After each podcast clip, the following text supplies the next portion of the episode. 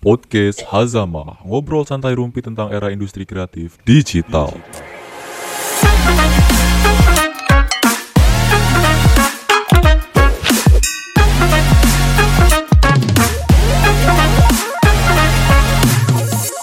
Yo yo yo yo halo Hazama First salam kenal perkenalkan gue Alif salah satu kru dari Hazama Foundation dan gue hari ini nggak sendirian gue ditemanin sama beberapa kru Hazama lainnya yang akan membawa obrolan ini untuk beberapa menit ke depan. Oke baik kita langsung perkenalkan saja beberapa kru dari komunitas Hazama. Pertama ada Bang Sigit. Nah Bang Sigit ini dikenal sangat-sangat aktif orangnya. Oke bisa tolong say hello ke mic Bang Sigit? Halo, halo, halo. Pala lo aktif, gua tidak aktif ya. Tolong jangan percaya apa yang dikatakan host. Jika Anda Iya. percaya berarti Anda mendoakan Tuhan. Tidak. Anda berdosa. tidak boleh ya. itu bukan kepercayaan Bang tidak boleh percaya maaf. sama host. Itu bukan kepercayaan, ini percaya doang ya. Oke, Nah, selanjutnya tidak. tetap kalian tidak boleh percaya seperti itu. Iya, udah. Dia manusia soalnya. Iya, iya, iya, iya, iya, iya, iya, ini aja dah. Oke, kita lanjut ke Bang Selo. Nah, Bang Selo ini terkenal dengan eh, expert banget dalam dunia ilustrasi dan designing yang kayak gitulah pokoknya. Dia itu wah udah malang melintang berpuluhan tahun di dunia ilustrator kayak gini. Oke, mungkin bisa say hello juga Bang Selo. Halo Tuh. para Azamapers. Halo Azama Pers katanya tuh kan. Itu dia orangnya orang humble banget sih asli.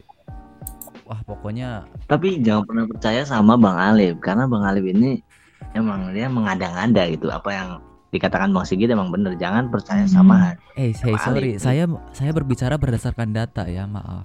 Maaf, maaf ini, maaf. Ini mana saya berbicara berdasarkan data. Tidak ada. Saya itu masih newbie ya guys ya. Ya. Tidak pro sama sekali dalam sebuah dunia ilustrator. Iya. Yang pro itu ya ya Sigit siapa lagi? Iya, biasanya yang bilang-bilang newbie-newbie itu pro yang sesungguhnya kalau di dalam dunia kenyataan itu. Ah, enggak. Bukan kayak Enggak, crazy rich, crazy rich eh tahu-taunya misakin gitu, Bang. Waduh. Wow. Wah, tidak boleh. Ini di luar topik. Wow. topik dong. Wah, ini hostnya tidak sehat.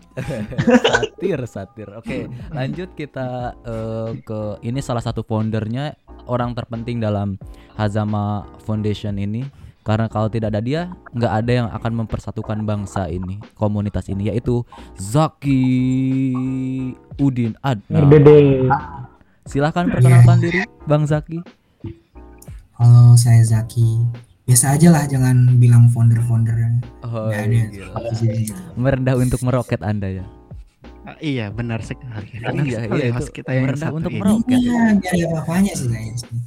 oke untuk Eh, kru yang tergabung terakhir ini eh, dia salah satu sesepuh dari Hazama Foundation ini dia bernama Niam. Oke Bang Niam bisa tolong perkenalkan dirinya dengan singkat Halo. dan jelas. Saya mau klarifikasi di sini. Saya bukan sepuh. Saya masih unyu-unyu ini. Maaf ya. Lalu kalau bukan sepuh Anda itu siapa? Unyu-unyu. Oi, unyu, unyu. Gue sumpah gua najis ngedenger Iya. gitu. Gua tampar orang yang satu ini. Oke oke oke oke. Eh, kita malam ini mau bahas apa ya? Mau bahas Hmm. tentang apa nih? Apa ya? Gua kayaknya ada sih, ada usulan sih hal yang menarik sih belakangan ini ya. Apa tuh? ya. Apa tuh? Coba bisa jelasin ke gua nggak apa? Wah, sedikit kontroversi sih dan gua nggak tahu ya orang bakalan nerima ini atau enggak ya atau semua orang terima apa enggak ya sama podcast kita kali ini ya kalau gua bahas ya. Hmm. Pembahasan gua malam ini tuh kita bakalan ngebahas sesuatu yang lagi booming sebenarnya di sosial media gua, terutama Facebook sama Instagram. Lah. Sebenarnya gua tidak peduli, tapi ini sering muncul dan sangat mengganggu sekali ya Lah. buat gua. Apa tuh? Yaitu tentang kasus pencurian karya lalu diperjualbelikan secara legal. Iya, iya. Komersil. Oh, iya, benar sekali komersil. Apa itu yang diperjualbelikan? Wah, ya karya digital lah. Oh, karya Anggap aja digital. gambar robot-robotan Gundam ditempel di baju, bajunya dijual. Oh iya iya iya itu kayak yang saya sering lihat di tukang dagang kaki lima ya. Wah, nggak nggak selevel dagang-dagang kaki lima juga dong. Eksklusif dong. Oh, eksklusif. Mainnya distro. Oh, Iyalah. oh, oh, oh. Kalau pedagang kaki lima harganya seratus ribu tiga, ini enggak lima ratus ribu satu. Wow, tapi kok bisa plagiat ya? Wah, jangan kebanyakan saya. Oh saya kan iya, bukan oknum, saya kan cuman pembaca, saya Iya, cuma iya, netizen iya, yang iya. Eh. ikut-ikutan ngehujat. iya. Eh, sebelum itu eh, aku pengen nanya nih, gue pengen nanya kepada Hazamaver semua. Apa kalian tahu mengenai hak cipta? Apa jangan-jangan kalian juga pernah ngelakuin kegiatan melanggar hak cipta? Kami tunggu tanggapan kalian di DM Instagram ya. Oke, back to topic. Kita akan mendis- mendiskusikan mengenai plagiarisme dan hak cipta. Kita awali saja dengan berdiskusi mengenai plagiarisme itu apa dulu ya. Menurut kalian nih Bang, yang expert di dunia eh, kreasi seni digital yang kayak gitu. Plagiarisme itu apa sih? Ya, lu sama siapa dulu nih? Kita Eh. ini nggak ada yang ngomong kalau nggak dituju. Oke, gua tunjuk aja berarti. Bener. ya. Oke, gua mulai dari Bang eh, Bang siapa dulu yang enak ya? Bang Sigit aja dulu lah. Waduh, kenapa gua selalu diutamakan? Karena Anda itu Padahal nama gua S. karena Anda itu hyperaktif sekali. Waduh. Saya tidak hyperaktif ketika ngobrol. Saya hyperaktif di atas kasur. Wah, Gila di atas kau. Serem kali. Agak-agak. Ya, bercanda, bercanda. Bahan ya. Wah, wah, Wah, wah. jangan dong.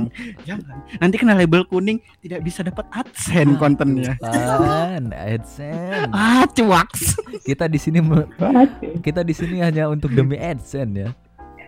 Iya, kita di sini butuh realistis saja ya. Jadi jangan ya, jangan ya, jangan ya. Kita Iya, oke bahas oke itu. oke oke siap siap. Oke, jadi gimana tadi? Bisa diulang? Oke, Apa menurut pandangan gua? Bang Sigit, eh, plagiarisme itu apa sih dan apakah Bang Sigit sendiri pernah melakukan plagiat-plagiat yang kayak gitu? plagiat plagiatisme menurut gue tuh kayak gue ngambil bahasa simpel aja ya karena gue nggak bisa pakai definisi yang begitu baku ya. Plagiatisme itu eh, contoh simpelnya di mana suatu karya atau sesuatu yang dibuat oleh orang lain itu ditiru sama eh, oknum atau orang yang nggak bertanggung jawab. Ditiru 100% sama mirip gitu atau mungkin 90% mirip gitu. Sama-sama lah hampir sama hampir jiplak 100% dan buat gua tuh plagiatisme tuh sebenarnya nggak boleh ya. Tapi gua akui gua juga orang yang sering untuk mengambil resource-resource gratis dari Kenyataannya, Freepie kenyataannya. mungkin ya ya dan mungkin ya gue cukup merasa bersalah tapi buat gue itu merasa tidak benar juga sih walau gue sebagai oknum sering melakukan itu ya di setiap pekerjaan gue alasannya kenapa ya kalau boleh tahu? karena kalau buat gue sendiri ya plagiatisme itu sangat-sangat merugikan pihak si pembuat ini di kalau misalnya si pembuat ini nggak tahu gitu kan kayak mereka misal mereka udah susah payah nih Iya, bikin iya, iya. sesuatu gitu kan dengan jerih payah mereka tiba-tiba ada oknum yang nggak bertanggung jawab nih tiba-tiba main comot curi jual Wow. dapat cuan Wow. siapa yang tidak sakit hati seperti itu kan Ya, kalau saya jadi si pembuat tentu aja saya sakit hati tapi kalau nggak punya bukti ya gimana ya kan gini bang. gitu aja. di dunia ini kan sekarang kan nggak ada yang asli itu. Kita itu kan selalu Iya. ATM. Amati, tiru, mencuri. Nah, bukan nah itu gimana bukan itu? ATM itu bukan amati tiru mencuri Lalu apa? Amati Tiru? tiru menjiplak Oh menjiplak. Bu- bukan menjilat ya Pak? Oh bukan, bukan, menjiplak. Bukan menjiplak menjilat. dong bukan Oh. kalau dijilat belum tentu masuk ke kepala kalau dijiplak udah pasti bakalan sama Wow wow. ATM Iya itu kalau banyak. dijilat belum tentu dicelupin. Iya. Iya. ATM itu banyak definisinya ternyata ya. diciduk anjir. Hmm. Gila gila gila. Satir ini satir satir satir. Oh Oke. iyalah tentu saja. Mohon teman-teman jangan membuli saya, jangan menyerang saya. Saya hanya sebagai tamu ya di sini saya cuma berbicara sesuai fakta. Saya dipaksa dari skrip ya, tolong ya. Hei, jangan hei, salahkan hei. saya. Saya dipaksa Hei, hei. skrip. Enak saja Anda menyalahkan skrip. Ini kan dari tadi nggak pakai skrip. Kita itu ngomong langsung apa adanya. Makanya tag aja udah wah gila. Bapak ini Berat menyalahkan kali. saya ya. Oke, kita eh, ke orang selanjutnya aja ya. Mungkin eh, Bang Niam bisa kasih pendapat kepada kita nih sebagai pelaku awam dari eh, dunia apa? Plagiat. Iya, eh bukan plagiat saya bukan yang tukang plagiat. Saya ini sebagai insan yang tidak tahu dunia kreatif itu seperti apa. Boleh bisa Hmm. di eh, apa jelaskan Eh, menurut pendapat eh, Bang Niam itu gimana sih plagiarisme itu dan Ya, apakah oke. pernah terjun juga gitu ngeplagiat karya konten-konten orang lain? Pernah, pernah. Ya pernah. Oke. Oke, Nah. bisa dijelaskan dulu? Plagiarisme itu menurut Bang Niam itu seperti apa sih? Ini menurut pandanganku ya soal plagiat ya. Kalau plagiat itu kan sebenarnya ATM ya. Ya, Eh apa? Amati. ATM, Tiru. amati, tiru dan mencuri. Wah. Eh salah. iya, dan menjiplak ya kan. iya, menciplak. Tapi menurut aku ketika memang niatnya itu menjiplak itu tidak bisa dikatakan dia tidak menjiplak. Ya Lah? kan? Maksudnya itu gimana tuh? Menjiplak tidak bisa dikatakan Menjiplak. menjiplak. Wah ini Iya. benar-benar out of brand gue tidak Iya. mengerti sih sama Aduh. maksudnya gimana. Tolong Ya dong enggak, da- Bang Niam dari dari diri seseorang sendiri itu kan memiliki niat. Dia membuat karya itu memang diniatkan untuk menjiplak ups, Oh, atau untuk berkarya, Iya, mengabdikan iya. diri pada orang lain gitu. kayaknya sih ini faktor gara-gara pengetahuan yang acknowledge yang rendah ya di kalangan eh, ya, bisa juga kreatif di itu Indonesia karena ini. knowledge-nya belum mumpuni ataupun eh, terjebak Iya. dari lingkaran setan. Iya, jadinya lebih baik menjiplak daripada itu ya. Wah berarti Anda secara tidak langsung menyebut saya ini setan dong ya. Iya. Enggak, Ini enggak, kan enggak. kelompok Mentang-mentang Anda jadi ustadz dapat level rompi, rompi level 3 Anda bisa nge-strike saya Enggak, setan. enggak. Wow, wow, wow. enggak, enggak, enggak. seram, seram. Semua itu juga sebenarnya ada alasannya. Ketika kita memiliki niat yang baik, juga alasannya pun juga baik. Ketika kita niatnya buruk, mungkin juga alasannya buruk. Begitu. Tapi kan rata-rata yang plagiat nggak punya niat buruk. Niat buruknya apa? Tapi ada loh sebagian orang yang memang sudah mengerti kan di bidangnya kan, itu memplagiat. Hmm, Dia oh sudah iya. tahu sebenarnya. Dia tuh memplagiat Cuma- untuk mencari men- meraup keuntungan sendiri, nggak ada berbagi loyalty yang kayak gitu ya. Hmm, Hmm, Seperti maksudnya itu, personal. Iya, jadi dia eh, plagiat itu bertujuannya tuh emang untuk mencari keuntungan sendiri. Jadi dia eh, kopas hasil itu tamak namanya itu tamak tahu tamak. iya tamak ya. Ya pokoknya gitulah. Hmm. Itu berarti eh, Kalau plagiat di sini kan kita meniru, bukan tamak. Kalau tamak berarti dikaitkan dengan plagiat itu mungkin jadinya alasannya yang buruk.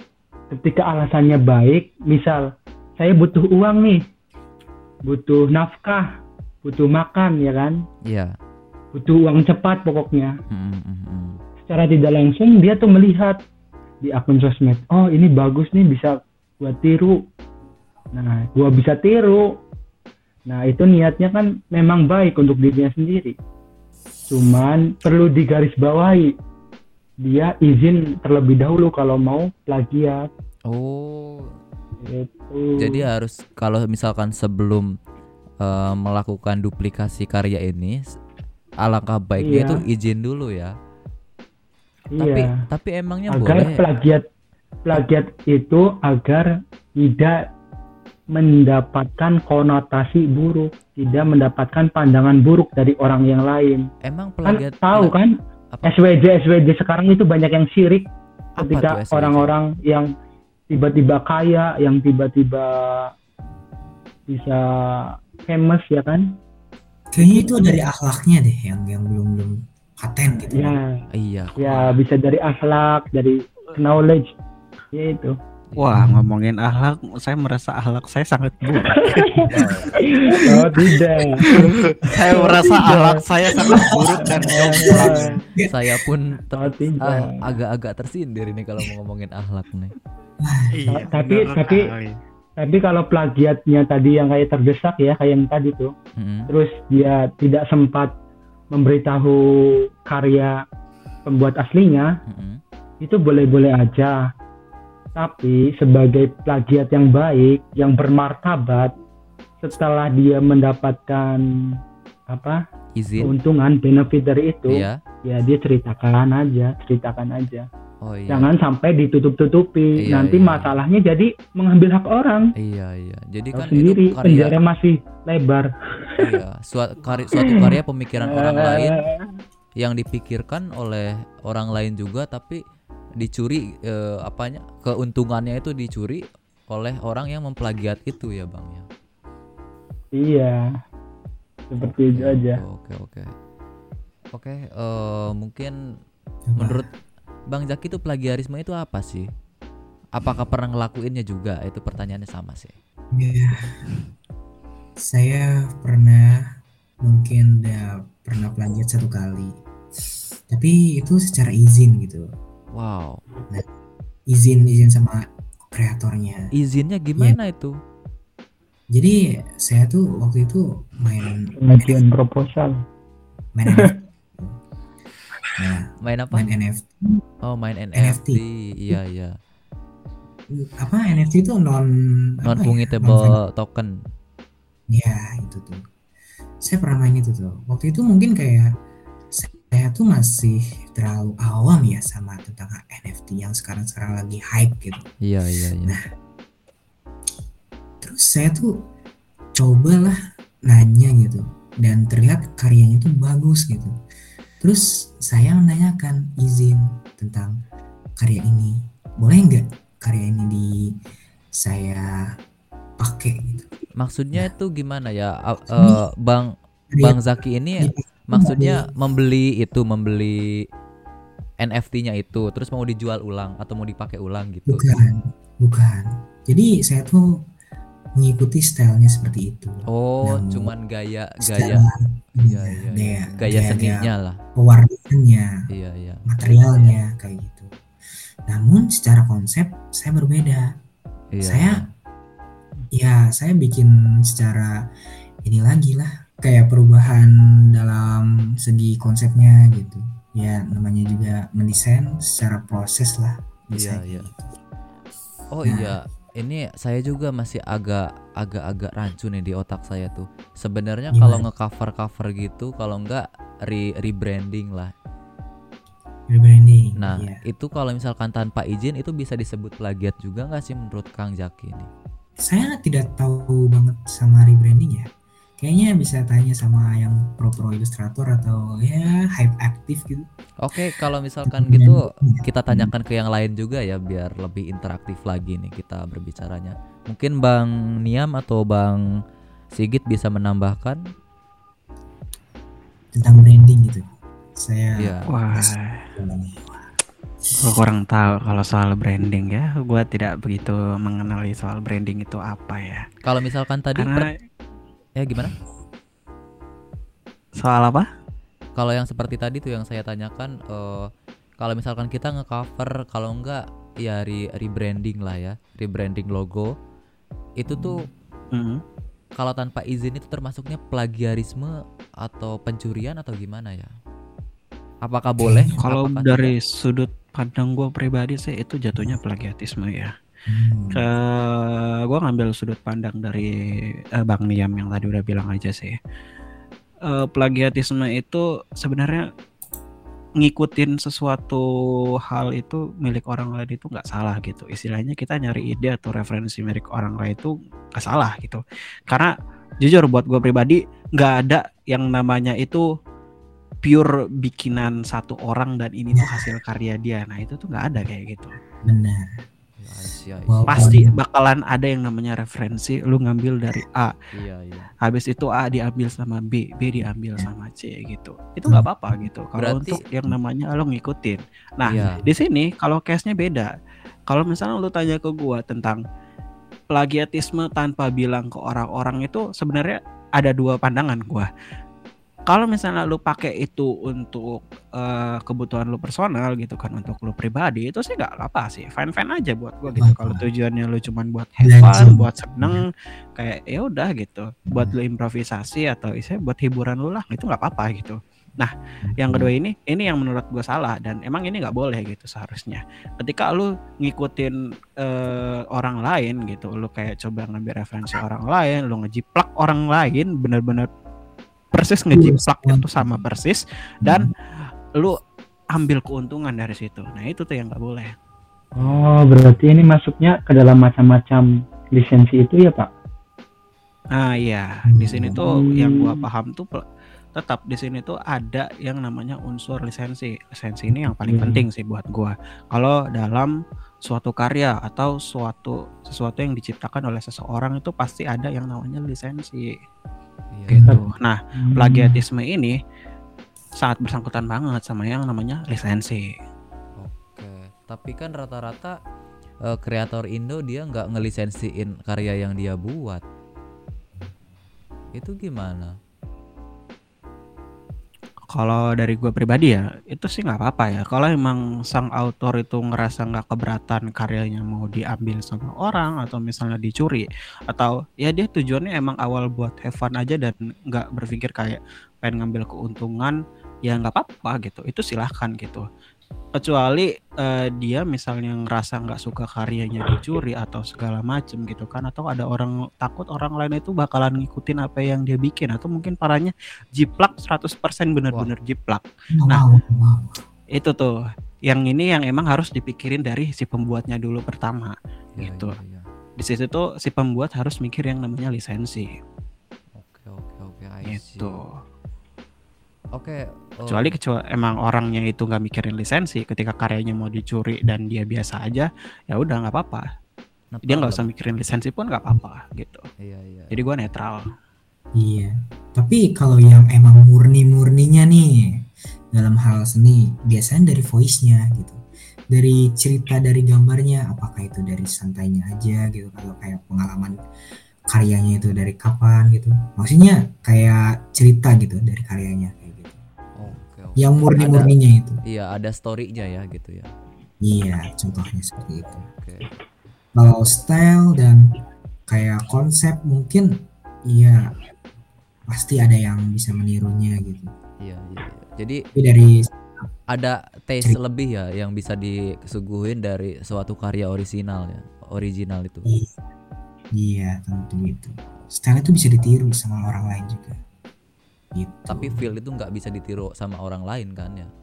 Iya, feel, voice, secara pengalaman. Iya, iya, oke, oke. Uh, baik, uh, kita lanjut aja ya ke top uh, pembahasan berikutnya mengenai lisensi. Yang lisensi itu sebenarnya yang kalian ketahui nih, ada apa aja sih? Mungkin Bang Zaki bisa ngejelasin tentang kira-kira lisensi itu macamnya apa aja gitu. Lisensi. Ah, saya masih newbie ya. Tapi kayaknya saya tahu dikit-dikit ya. Oke. Oh iya sebelum itu gini deh. Lisensi itu fungsinya buat apa sih?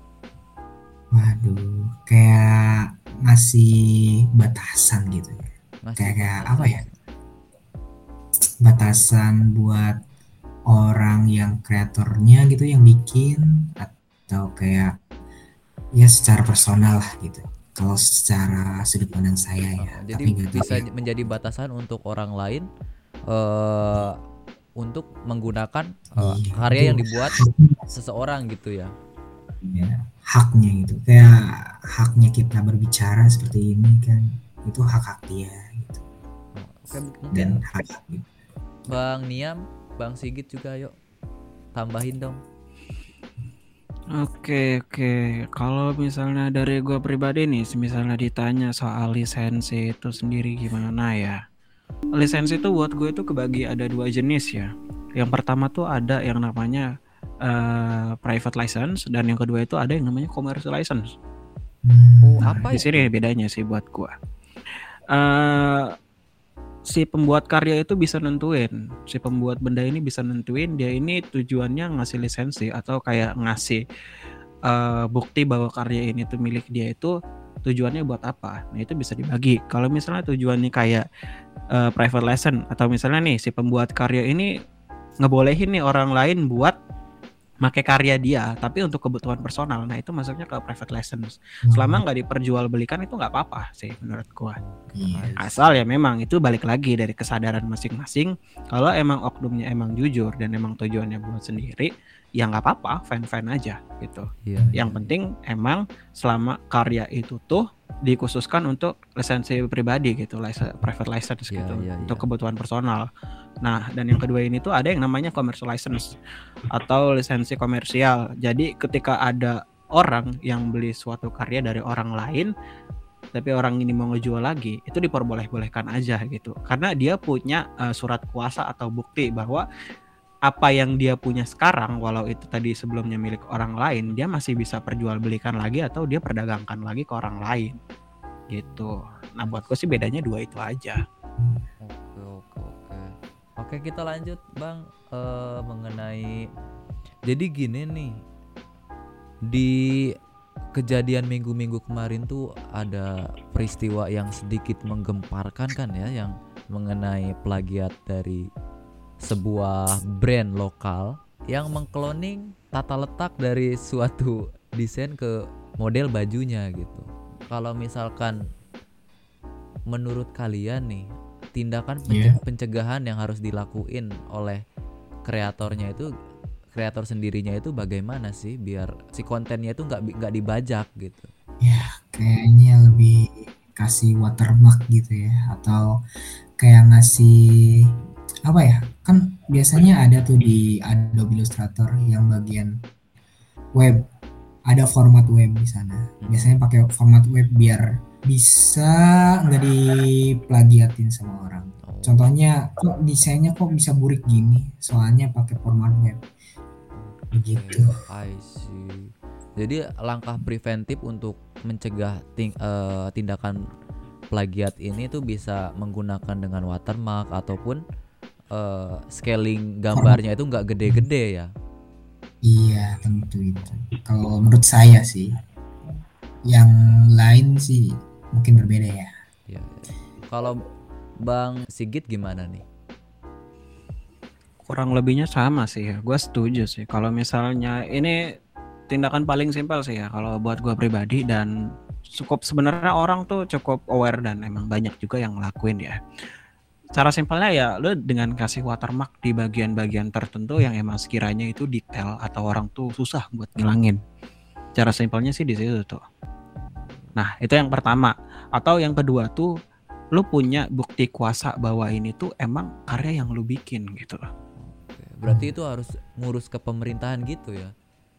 Iya, semacamnya Iya. kayak gitu. Kayak gitu. Ada hukumnya. Ada Negara hukum Indonesia. Jadi kalau semisalnya emang barang itu diperjualbelikan tanpa sepengetahuan misalnya kita sebagai pembuat gitu kan, Mm-mm. kita bisa narik itu ke kuasa hukum karena kita punya bukti hukumnya. Oke, I see. Jadi Iya.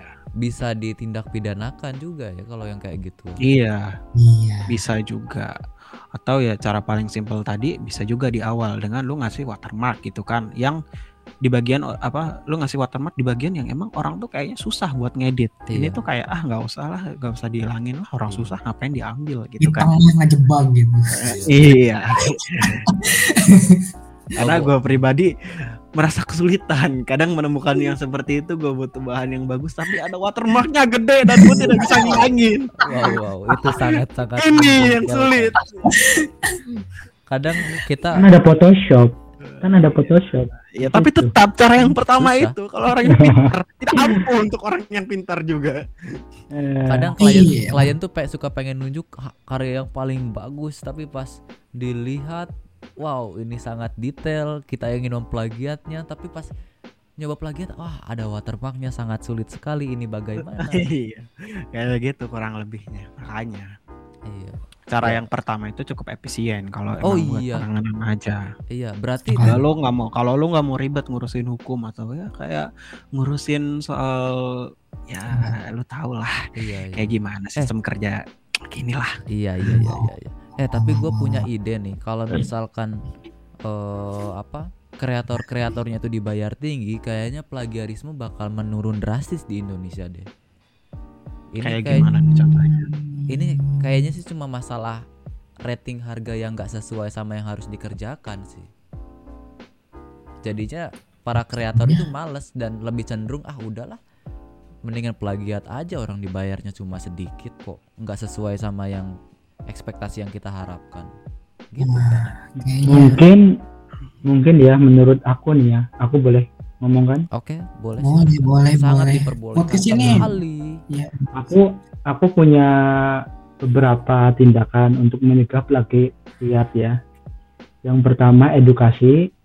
Nah, Ya, edukasi edukasi itu eh, meniadakan stigma-stigma masyarakat yang negatif. contohnya seperti apa tuh bang Wah, gimana tuh contohnya? Gimana? Gue baru pertama kali denger nih. iya Iya. Contohnya ya kita mengajak orang agar tahu hukum membuat karya itu seperti ini dengan memposting lah. Misal setiap setiap itu kalian karya share karya dan kalian juga share edukasi. Kalau itu kan bisa diterapkan seperti itu tuh channel animasi TikTok tahu? Oh, iya. Nah, Tuh. tapi di sini gue mau nanya nih bang nih. Kalau menurut gua cara yang kayak gitu tuh kurang efisien loh bang. Karena nggak semua orang diedukasi bakalan paham. Iya, betul Nggak semua sekali. orang diedukasi bakalan Anda paham. ini keras sekali, Anda ini keras sekali, bukan Lah, seperti tidak, itu. saya anggaplah saya sedang berperan sebagai netizen. Dibeli lara, Hmm. diberi larangan untuk dilakukan. Wow, wow, wow, wow, wow. Tidak seperti itu. Pendidikan bukan seperti hukum ya. Pendidikan bukan seperti hukum. Pendidikan itu mengajak ya membuat orang itu tahu akan eh, konsekuensinya ya kan dan juga memberi pandangan positif terhadap suatu karya begitu oke Gua karena paham sih iya, soal iya. poin ini gue paham. Cuman kan Hmm. emang itu yang tadi tuh banyak orang yang emang juga kayak ah nggak peduli lah gitu lah cuman ketikan doang apa segala macem lah Nah, kalau Nanti misalnya dulu. hal kayak gitu tuh masih kejadian gimana Ya. Nanti, nanti dulu di dunia pendidikan ataupun di dunia apa karya seni itu perlu pendidikan. Kenapa? Pendidikan itu memanage setiap lingkup bang bidang. Dian, eh, izin menambahkan ya kayaknya untuk mendidik itu beda sama mengajarkan. Kalau mendidik itu yang dididik itu bukan hanya sekedar pengetahuan tapi juga ahlaknya. Mendidik itu bukan hanya eh, tentang ilmu Nah. tapi tentang karakternya juga berarti ya. Iya. tapi saya salah satu orang yang tidak mau diajak dan diedukasi bagaimana cara anda menanggapi orang seperti saya? Caranya adalah Ya, dengan itu bui. makan dengan bui ya itu bisa. kembali lagi kepada hukum. Kalau pen- pendidikan nggak bisa, hukum yang berjalan. iya. Wah. hukum yang bertindak Biasanya sih jalannya Soal- dari cuan-cuan ya. soalnya di yang pertama gua, pendidikan ya kan pendidikan terusnya stigma stigma juga sama berkaitan dengan pendidikan jadi menghilangkan suatu stigma yang buruk dari apa stigma masyarakat yang kayak tadi Alif bilang bahwa eh, nilai dari karya seni yang ada di Indonesia itu kurang untuk memenuhi kebutuhan ya sehari-hari ya misal Iya, betul ya. I get the point dan yang ke yang ketiga itu meng, apa ya memberi watermark atau tanda ya tanda tanda kutil apa tanda apalah di? Suatu karya suatu, karya anda. Tanda kutil. Memberi suatu. Hmm, memberi suatu tanda di karya anda atau memberi kayak lisensi secara perangkat lunak. Kayak di Photoshop kan ada. Itu lisensi yang berkaitan dengan rincian produk ya kan? Di situ ada ataupun di Corel Draw juga ada sebenarnya begitu ada. aja ada Tapi tetap Hmm. nih, gua gua kayaknya masih agak bingung nih. Soalnya kalau misalnya gua nangkep nih, anggaplah Ya. gua gua benar-benar sebagai orang orang itu aja lah awam nih di sini. Gue tuh nanggapnya itu dengan mengedukasi itu sebenarnya belum cukup loh. Iya, Mengedukasi itu belum cukup karena jatuhnya kayak kita itu lagi nonton film Dora. Ada swiper, kita cuman bilang swiper stop mencuri. Belum tentu ampuh kalau memang swipernya itu cerdik, Bang. Kamu tahu nggak pendidikan itu kan berbagai macam pendidikannya bukan hanya mengajak tapi merangkul juga ada di dalamnya. Tidak hanya menghujat tapi mengajak merangkul semuanya ada di pendidikan. Itu tergantung dari individunya sendiri Ya berarti Pendidik- Gitu. pendidikan yang menghujat tuh gimana nih? Kok gue kayaknya mendengar hal baru maksud ya. maksudnya Bang Bang Niam nih kayaknya karakter building deh kayaknya ya. Jadi pendidikan karakter Anda dari tahu nggak? Anda tahu nggak? Orang itu bisa termotivasi ketika dihina. Iya itu karakter building kan ya. Iya. Ada orang yang eh, namanya termotivasi ketika dia dipuji.